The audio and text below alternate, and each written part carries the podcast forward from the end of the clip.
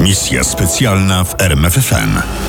Tajemnice polskiego wywiadu 1939-1945. Odcinek piąty. Wszyscy pracujemy dla aliantów. Najbardziej pożądaną rzeczą w pracy wywiadowczej jest spokój. Tymczasem jest to towar deficytowy. Rytm pracy wybijają pośpiech i chaos, mnóstwa spraw załatwianych jednocześnie, nierzadko na łapu capu. Dlatego, kiedy po przymusowej przeprowadzce do Londynu sztab naczelnego wodza dostał na siedzibę hotel Rubens, Nowy szef oddziału drugiego, pułkownik Leon Mitkiewicz, zarezerwował dla siebie dwa najwyższe piętra czwarte i piąte. lecz pułkownik Mitkiewicz nie miał doświadczenia w pracy wywiadowczej. Przed wojną pracował w stolicy Litwy, Kownie, jako atasze wojskowy polskiej ambasady.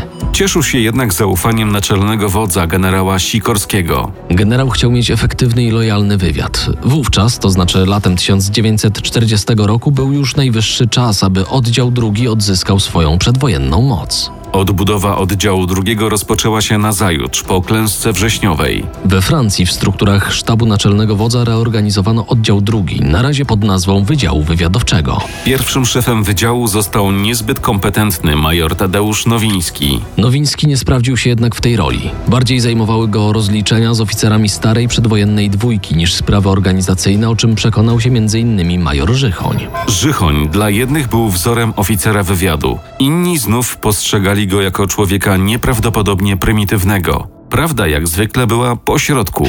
Kapitan Jan Żychoń, gwiazda wywiadu II Rzeczypospolitej, zjawił się w Paryżu ni stąd, ni z owąd w październiku w dużej grupie oficerów wywiadu, w której był również niejaki pułkownik Stanisław Gano. Zanim Nowiński odszedł, a odszedł już w listopadzie 1939 roku, zdążył oskarżyć wspomnianego już majora Żychonia o przywłaszczenie państwowych pieniędzy w dość wysokiej sumie. a nawet współpracę z Abwerą. Zarzutu współpracy z Abwerą Żychoń nawet nie zamierzał komentować. Tak był niedorzeczny. Natomiast odniósł się do kwestii finansowych. Pieniądze wpłacę przy rozliczeniu się z gospodarki oddziału drugiego. Oficerskie słowo nie wystarczyło. Cała ta nierozsądna afera skończyła się długim dochodzeniem i wycofaniem zarzutów. Major Żychoń mógł wreszcie spokojnie poświęcić się pracy organizacyjnej. W listopadzie 1939 roku wywiad odzyskał swoją tradycyjną nazwę i otrzymał nowego szefa, pułkownika Tadeusza Wasilewskiego. Wtedy robota zaczęła się na poważnie. Wprawdzie pułkownik Wasilewski nie był asem wywiadu, a mówiąc wprost, nie znał się na tej robocie, miał jednak tę zaletę, że był świadomy swoich braków. Dlatego poprosił o pomoc dwóch oficerów biegłych w sztuce zdobywania informacji. Byli to wspomniani już oficerowie, pułkownik Gano i major Żychoń. Oficerowie odwiedzili polskie placówki wywiadu w szwajcarskim Bernie, w Sztokholmie, w Istambule, Bukareszcie i w Zagrzebiu. Wnioski, jakie nasunęły się po tej podróży, nie były zadowalające. Przede wszystkim Tłumaczył Wasilewskiemu Żychoń. musimy zrezygnować z usług oficerów e, przedwojennego referatu Wschód. Wiem, że nie mają bladego pojęcia o sprawach dotyczących e, III Rzeszy. To wyklucza możliwość zdobywania rzetelnych informacji. A po krótkim zastanowieniu dodał: Panie pułkowniku, oni mogą zrobić więcej szkód niż pożytku. Ze słów majora Żychonia wynikało, że wywiad na Niemcy należało przebudować w zasadzie od podstaw. Tylko jedna placówka w Bernie radziła sobie ze zdobywaniem informacji z Niemiec. I to ta placówka dość szybko zdobyła sobie uznanie Polaków i Brytyjczyków. Powodem tego uznania był niebywale efektywny agent, wręcz brylancik wśród szpiegów. Sami Brytyjczycy wiedzieli o nim niewiele. Znali tylko pseudonim agenta Knopf, Guzik lub bardziej familiarnie Guziczek. Nazywała się Halina Szymańska i przed wybuchem wojny światowej niewiele miała wspólnego z wywiadem. Owszem, żona polskiego atasze wojskowego w Berlinie Antoniego Szymańskiego uczestniczyła w spotkaniach dyplomatów, rautach i kolacjach. Zapewne pojawiła się u boku męża na urodzinach szefa kancelarii Hitlera w maju 1939 roku, kiedy to generał Bodenschatz ostrzegał przed porozumieniem Hitlera i Stalina. Zapewne na którymś z takich spotkań poznała też samego Wilhelma Canarisa, szefa Abwehry. To wydaje się niewiarygodne, ale jesienią 1939 roku to właśnie szef Abwehry pomógł Szymańskiej wydostać się z okupowanej Polski. Niech pani pod żadnym pozorem nie wraca do Warszawy. Gestapo prędzej czy później trafi na pani trop, a wtedy już nie będę mógł pomóc. Co zatem mam zrobić? Pomogę pani wyjechać do Szwajcarii. Chciałaby pani zamieszkać w Bernie?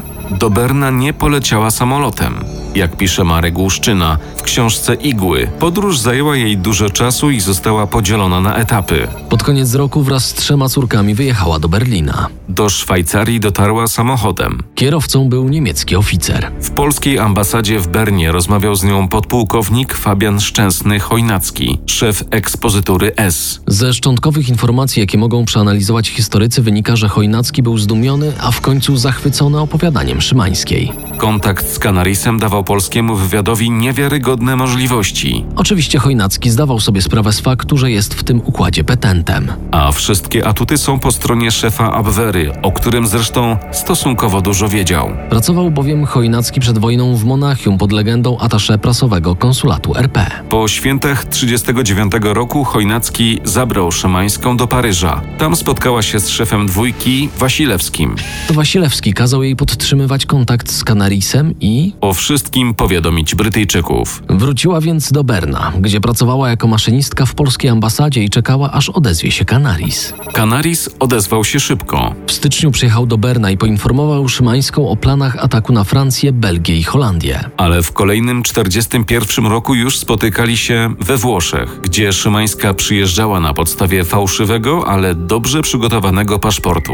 Ostatni raz spotkali się w styczniu 42 roku w Mediolanie. To wówczas Wilhelm Canaris powiedział: Już się nie zobaczymy. No, może kiedyś po wojnie, ale to nie znaczy, że kończymy współpracę. Na następne spotkanie wyślę zaufanego człowieka Hansa Giseviusa. Gisevius pracował w niemieckim konsulacie w Bernie. Prowadził tajne rozmowy z Watykanem i Allenem Dalesem, szefem amerykańskiego wywiadu OSS w Szwajcarii. Zresztą z Dalesem spotykała się również Halina Szymańska. Szymańska była Polką i pracowała pod nadzorem oficerów polskiego wywiadu, stąd jej zasługi można przypisać na konto oddziału drugiego. Niemniej jednak owoce jej pracy zbierali alianci, Brytyjczycy i Amerykanie, i to praktycznie dla nich pracowała. W 1941 roku Szymańska przekazała MI6 informacje o liczebności i strategii Afrika Korps, szczegóły uderzenia Wehrmachtu na ZSRR, a w 1942 roku plany inwazji na Maltę i szczegóły niemieckiej ofensywy na Stalingrad. Ale głównym celem Wilhelma Canarisa było przekonanie premiera Churchilla, że w Niemczech istnieje silna opozycja antyhitlerowska.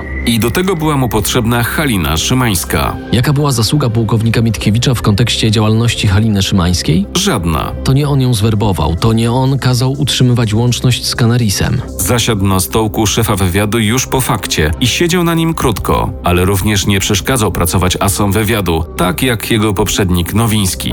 Podstawową zaletą pułkownika Mitkiewicza na tym stanowisku była świadomość swoich braków, dlatego postanowił oprzeć się na zawodowcach i na to dostał zgodę od Sikorskiego. Jednym z nich był właśnie wspomniany już podpułkownik Gano. Stanisław Gano został zastępcą Mitkiewicza, a wkrótce odziedziczył po nim obowiązki szefa wywiadu. Ponieważ efektywny wywiad to przede wszystkim efektywni oficerowie. Szefem Wydziału Wywiadowczego został major Jan Żychoń. Z kolei Żychoń na swojego zastępcę wybrał majora Witolda Langenfelda, zatem oficera ze swojej przedwojennej ekspozytury numer 3. Nowe wysokie stanowisko i nowe obowiązki nie pozwoliły Żychoniowi na kontynuację starego, niezdrowego i niebezpiecznego trybu pracy. Inna rzecz, że nie miał zamiaru tolerować takich wyskoków pułkownik Gano. Tu w Londynie będę miał Żychonia pod kontrolą. To jednak niezupełnie się udało. Zdarzało się Żychoniowi i popić zdrowo, i zdrowo narozrabiać. I to w gabinecie generalskim hotelu Rubens w samym centrum polskiego sztabu. Ale to już były tylko epizody. Major Żychoń wpadł w wir pracy biurowej. Urodzony talent organizacyjny i wyczucie ludzi. Pisał o Żychoniu Gano. Umiejętność uzyskania maksimum wydajności pracy u podkomendnych przy wielkiej o nich dbałości. Na działania w terenie zabrakło Żychoniowi czasu, Tym mieli się zająć inni. a on tymczasem pracował nad sformalizowaniem współpracy z nowym sojusznikiem. 10 sierpnia 1941 roku major Żychoń i William Donovan omówili szczegóły współpracy polskiej dwójki i amerykańskiego OCI Office of the Coordinator of Information. z której później powstało OSS Office of Strategic Services, a wreszcie już po wojnie CIA. Aby współpraca układała się sprawnie i szybko, w październiku utworzono w Nowym Jorku ekspozyturę STZ.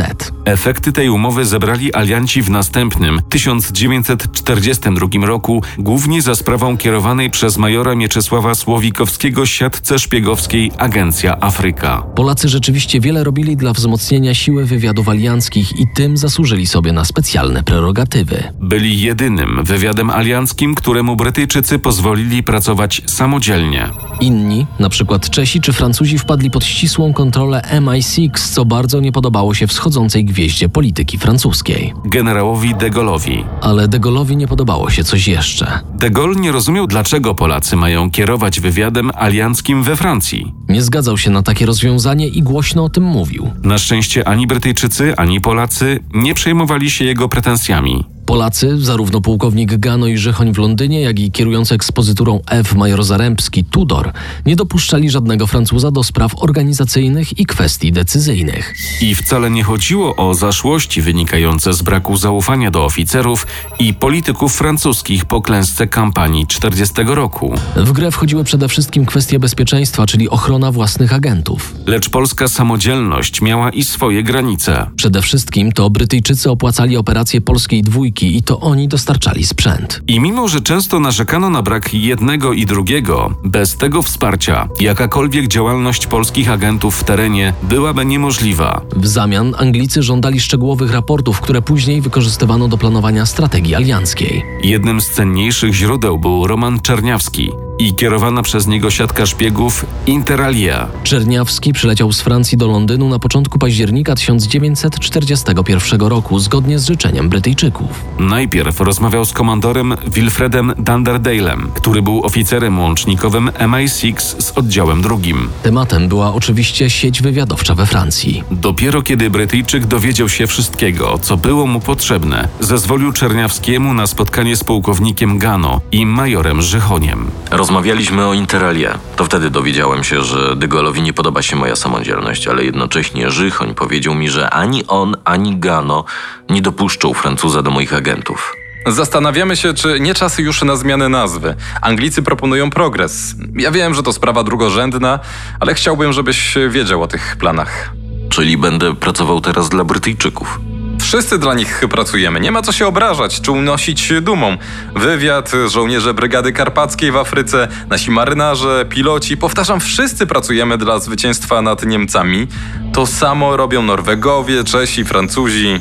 Żychoń przerwał. Zastanowił się przez chwilę i dodał. Ale tak, masz rację. Zamierzamy wyciągnąć cię spod skrzydeł Tudora i ekspozytury F.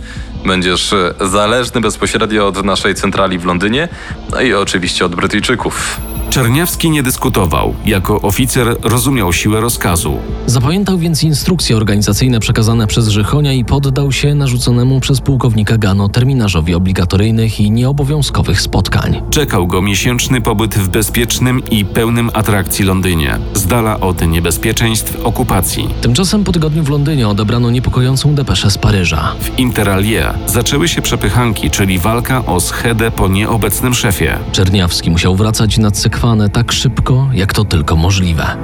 Nie możemy czekać trzy tygodnie na kolejną pełnię księżyca. Polecisz 11 października, będziesz e, skakał ze spadochronem. Czerniawski się zgodził. Sam zresztą naciskał na szybki powrót. Szkolenie spadochronowe przeszedł jeszcze w Polsce przed wojną. Spadochron wybrali mu zawodowcy z SOE, Kierownictwa Operacji Specjalnych. Skakał w ciemną, deszczową noc. Lądował obok pola dużych, żółtych melonów.